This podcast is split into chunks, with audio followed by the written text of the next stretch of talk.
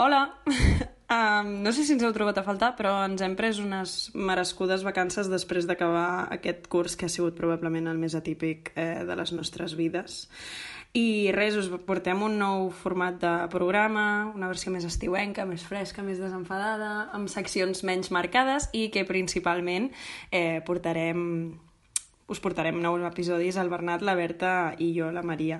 I res, us volíem eh, portar aquest nou programa fent una mica balanç d'aquest tràgic o no tan tràgic eh, any 2020. No sé si el Bernat, per exemple, vol dir alguna cosa sobre això. Molt bones. Home, sí, a veure, tràgic mm, la dimensió tràgica la podem trobar amb tot, eh? m'ha donat la sensació sempre però sí que és cert que i això ho parlàvem abans que nosaltres ara que intentem fer una mica de balanç eh, i encara no he començat a llegir Kierkegaard però acabaré pensant que, que hi ha aquesta dimensió que el futur no existeix, el passat ja no és, per tant deixa d'existir i sembla com que el present no és res perquè ve de dos no res no? i eh, pensant en aquest no res i amb aquesta cruïlla que és el present també va bé fer, fer balanç no? potser en aquest sentit jo em preguntaria què és fer balanç i si és només mirar enrere per després seguir endavant. En aquest sentit eh, venim d'un temps particular perquè nosaltres a la carrera ens ha tocat un temps sobretot en el qual un ja s'especialitza i comença amb tot el tema del que és fer pràctiques eh, fer optatives que a un ja li agraden. I jo crec que és un any molt maco. Llàstima que potser hem caigut amb la trampa no, de, de tan maco que era no, eh, l'estem perdent o hem perdut part de la nostra, de la nostra existència perquè el viure s'ha convertit en, en viure tancats a casa i fer, fer allò que ens agradava a un altre lloc. No sé si en aquest sentit l'experiència d'aquests mesos l'hem de pensar com, com allò tan maco que no hem pogut viure i no sé, Berta, tu que t'agrada que fugim què en diries de ple tot plegat? Jo de tot plegat, ara trencaré una mica, perquè tu, mare, m'estaves parlant molt, filosòfic, molt filosòficament i de cop i volta he pensat, Berta, no estàs prenent apunts i després se t'oblidarà tot el que et dirà el Bernat. Un desastre, vull dir, t'ho juro que els meus pensaments rondaven aquesta idea i llavors ràpidament he agafat un paper, un llapis i pensava, ara se sentirà mentre escric i dic, és igual. doncs, doncs sí, um, el que comentaves, no? Sobretot a mi jo em quedo amb, amb la paraula fugir perquè és un tema que, que hem estat uh, compartint i, i, i xerrant arran d'aquest aspecte. Um, I ha estat un, una mica un procés no? durant tot aquest confinament, el que, si més no el que he, he sentit jo especialment, a l'inici el, el fet d'estar tancats era com aquesta necessitat de, de fugir, de, de marxar a un altre espai, um, no ho sé, de recuperar una mica aquell passat, no? I aquesta nostàlgia que de cop i volta ens, ens sorgia, no?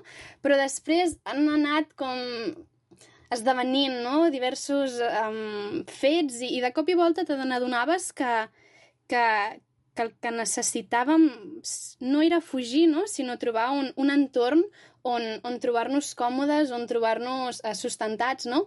I, I aquesta, jo crec que el que ens ha servit molt aquest confinament, aquest confinament és justament el fet de, de ser com més conscients d'aquesta necessitat d'un entorn i, i d'unes amistats que, que t'envoltin i que et recolzin. No sé què en penseu vosaltres. Ostres, sí, no? Sí. Eh, clar, mm. venim aquí, els que no, bueno, els que no ens coneixen, eh, el Bernat i la Berta fa bastant que es coneixen. Jo els he conegut més a fons en el darrer any i Eh, de fet, el 2020 el vam començar els tres junts, una mica accidentalment a un sopar planejat 24 hores abans i vam acabar anant a una festa que, bé, eh, creiem que es mereix un episodi propi en les següents setmanes. Però sí, sí, vam començar el cap d'any junts i, i, i no sé, qui, qui ens hauria dit que aleshores, que bé, sí, es pot ser, no, no, no ens hauríem imaginat que ens hauríem confinat, evidentment, però qui ens hauria dit que, que, que estaríem gravant un podcast i que estaríem gravant el que ens passa pel cap i que potser a algú li arriba a interessar.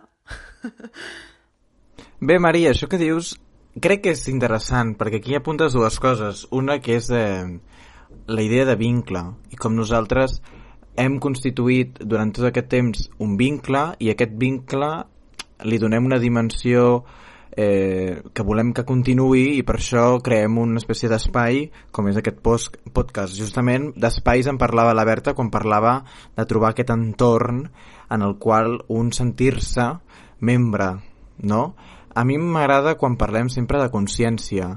El que passa és que a vegades, si parlem d'una consciència més del Renaixement, com seria una consciència hamletiana o de Ricard III, si ara penso en Shakespeare, la consciència de tots aquests personatges és una consciència que els porta a una acció, perquè són personatges teatrals i estan condemnats d'alguna manera a realitzar allò que l'obra els ha condemnat a fer, no?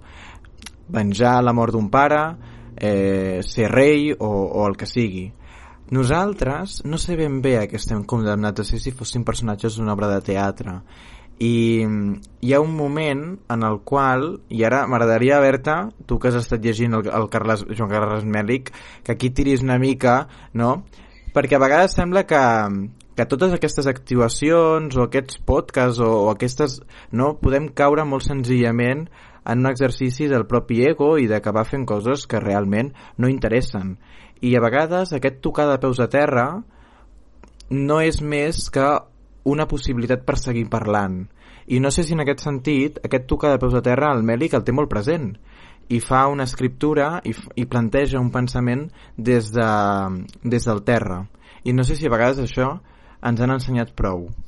Uh, totalment, és a dir, amb, és a dir, jo, jo haig de ser sincera, a, a la metafísica m'agrada moltíssim, estic plantejant el TFG i vaig dir, abans d'introduir-m'hi, um, fem antimetafísica, no? I, i vaig anar a espetegar a Mèlic i sorprenentment em, em va interessar moltíssim, no? perquè precisament ell el que tracta és, és un tipus d'ètica en el qual tracta no? el que seria aquesta finitud de la persona, no? que és el que deriva d'aquesta condició uh, vulnerable no? I, i de la necessitat de, de, de a, a centrar-nos molt no? en, en què és la qüestió doncs, del dia a dia, d'aquesta quotidianitat i, i de com relacionar-nos amb l'altre i, i sobretot el fet de no trobar aquestes grans veritats, no? aquesta gran justícia, no? sinó adaptar-nos a les circumstàncies a cada moment i sobretot tractar l'altre sempre doncs, des de la responsabilitat afectiva, des d'aquesta bondat, no? no tant cercar el bé, que al final què és el bé, sinó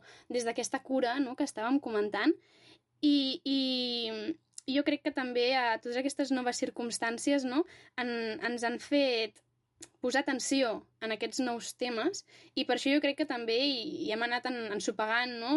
entre tots aquests tipus de, de filosofies um, que, que busquen no, no, no, no sé si dir-ne noves maneres de viure, no? però sí amb altres maneres d'encarar-nos de, a la realitat, que jo crec que a partir d'ara serà fonamental, no? perquè realment no, no podem seguir um, vivint com ho fèiem abans si no volem entrar en la desgràcia absoluta. No, no ho sé, què en penseu? Jo, jo, jo crec que... Um, bé, eh, a, a, aleshores, quan, quan vam plantejar aquest eh, episodi, aquest retorn de, del podcast, vam dir, clar, és el que deia el Bernat, a vegades eh, pot semblar que és un exercici d'ego.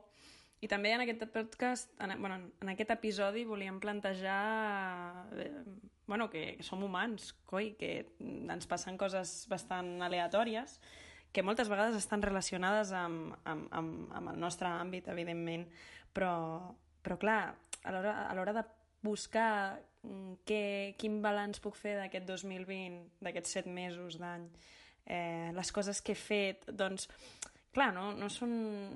No, no, no seran anar-me'n a viure a un altre país durant una temporada i no seran, eh, evidentment, coses que s'adaptin a una antiga normalitat tal com la coneixíem, sinó coses més eh, de la vida quotidiana, molt més casolanes. I al final la intenció d'aquest retorn de podcast i aquest format d'estiu és mostrar-nos una miqueta més eh, humils, més de casa, més, més d'estar per casa, jo crec. O sigui, per exemple, eh, clar, ha sigut un, un any molt intens eh, a, a nivell personal i els que em coneixeu ja ho sabeu, però jo què sé, mm, probablement el confinament no m'hauria fet tenyir-me del meu propi color, que ha sigut probablement eh, el highlight de, de l'any, perquè jo vaig dir, buah, buah, buah, em faig alguna al cabell perquè estic aquí tancada, portava tres setmanes tancada, qui m'hauria dit que m'hauria d'esperar mm, un mes i mig més a poder anar a, anar a una perruqueria, no? Però em vaig tenyir d'un color, vaig dir, buah, que em quedi molt natural, sí, sí, em va quedar tan natural que literalment no es notava, saps? Aleshores, clar, mm, mm, que, que, és que hem fet coses molt eh, clar, aleatòries, no? No sé, si algú més vol aportar una idea d'aquestes perquè no em quedi aquí fent el ridícul sola, eh, ben agraït. Um, sí, totalment. Vull dir, crec que tota aquesta nova, noves circumstàncies ens han portat a, a fer activitats d'allò més inhòspit i que realment mai haguéssim pensat que arribaríem a fer. Vull dir, jo, que sóc una persona negada per tot el que eren les arts més uh, visuals i plàstiques, uh, de sobte vaig tenir un impuls uh, dionisíac, no sé si dir-ne així, uh, que, que, que necessitava expressar-me i necessitava pintar, total, que he acabat fent bosses, que també els que em coneixeu més sabeu que ara em dedico a passejar-me per la ciutat amb aquestes uh, nous uh, elements uh, de moda, um, bueno, no sé si dir-ne de moda realment, no? I samarretes amb, amb, amb missatges, bueno, una mica friquis, no, no negaré, no? Però, però que realment m'han ajudat moltíssim també a, a fer més suportable totes aquestes noves situacions. I a veure, també ets de dir ara, i després el Bernat que ens digui alguna altra cosa seva, eh? però hem passat de, de fer samarretes a després jo obsessionar-me per termes estranys sobre maçoneria, vull dir que acaben creant tertúlies a, a, a no sé si dir-ne festes, no? però, però activitats que ens muntem entre els amics i, i que donen, escolta, per hores i hores de, de xerrera.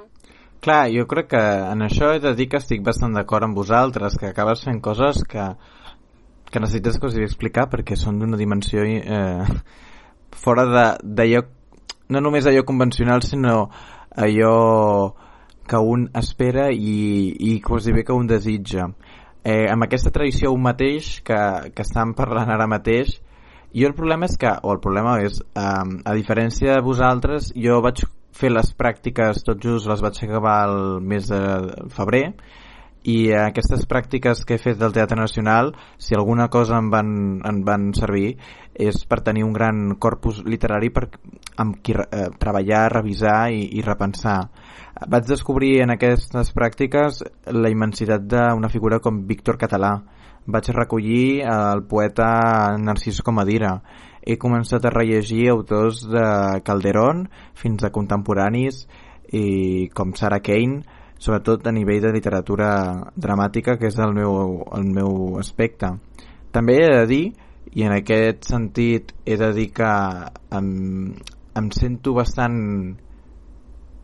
bastant en, en coincidència amb vosaltres que és que el confinament ens ha portat a pensar o ens ha portat a, a certes coses que potser a nivell del més material les bosses, dèiem, eh, no? el, el tint del cabell o el que sigui, que potser haurien de fer-nos reflexionar i jo crec que aquests eh, podcasts que anirem penjant durant l'estiu ens poden ajudar a pensar amb, aquest, amb, aquesta, o amb aquesta noció del que volem fer i el que detestem jo crec que per anar ja concloent aquest primer eh, episodi, encara que en queden, ens queden uns minuts, m'agradaria que poguéssim dir ara que hem estat tancats no, en una època d'això que se'n diuen la hiperindividualització i tot plegat, ara que vivim aquest temps que podríem dir de temps salvatge, no sé si eh, som encara més conscients d'allò que no ens agradava i per tant volem seguir fent allò que sí que desitjàvem fer. No sé si realment encara estem més confosos. Jo per part meva i disparo eh però jo crec que potser potser viure certes coses quan les vius d'una forma continuada en la rutina perden tot el seu valor quan les deixes de fer. I jo creia abans que els estius servien per alentir les revolucions, no? com al final de qualsevol esquema típic i tòpic dramàtic, però aquest alentiment de revolucions feia doncs, el que estem fent avui, eh, acabant fent una espècie de balanç. El que passa és quan el balanç acaba sent l'excepcionalitat perquè l'excepcionalitat es, es converteix en permanent. I doncs aquí hauríem de començar a replantejar-nos certes coses. I potser estem vivint massa excepcionalitat i doncs hauríem de repassar no? la peste de Camus, el, tota la literatura del període d'entreguerres o d'altres i altres moments en el qual l'excepcionalitat va ser la, la seva normalitat i hauríem de pensar en aquest impàs de temps en el qual vivim si ens estem oblidant de viure el present o si realment estem creant un nou present o què ens està passant, no? I jo crec que és molt divertit pensar no, a partir de colors de cabell i de bosses, però també podem pensar això a nivell de lectures, a nivell de pensament, a nivell de què hem descobert. No sé si em podeu seguir una mica el fil amb què hem après a detestar o què hem après a estimar encara més. Sí, Mm, no ho sé, jo personalment eh, he descobert que no, no, no tinc cap problema en estar a casa, sóc una persona molt... Eh, bé, de, bueno, deixa'm reformular realment, perquè abans del confinament jo, jo, jo sempre deia que mm, sóc molt extrovertida, oberta, no, no, no em consideraria una persona tímida, però a la vegada sempre he dit que carregava piles sola. I el confinament per mi ha sigut també eh, adonar-me de, de la influència que tenen les persones al meu voltant i o sigui, jo no, no era tan conscient com ho sóc ara de, de, de la influència que tenen els meus amics, eh, la rutina, l'agafar el tren a, cap a Barcelona cada dia. Clar, o sigui, penseu que jo, jo abans, de, abans de la Covid vivia pràcticament a la Renfe, aleshores baixava cada dia a Barcelona com segurament també els diumenges, i estava encantada. I realment m'agradaria poder-ho tornar a fer eh, el més aviat possible.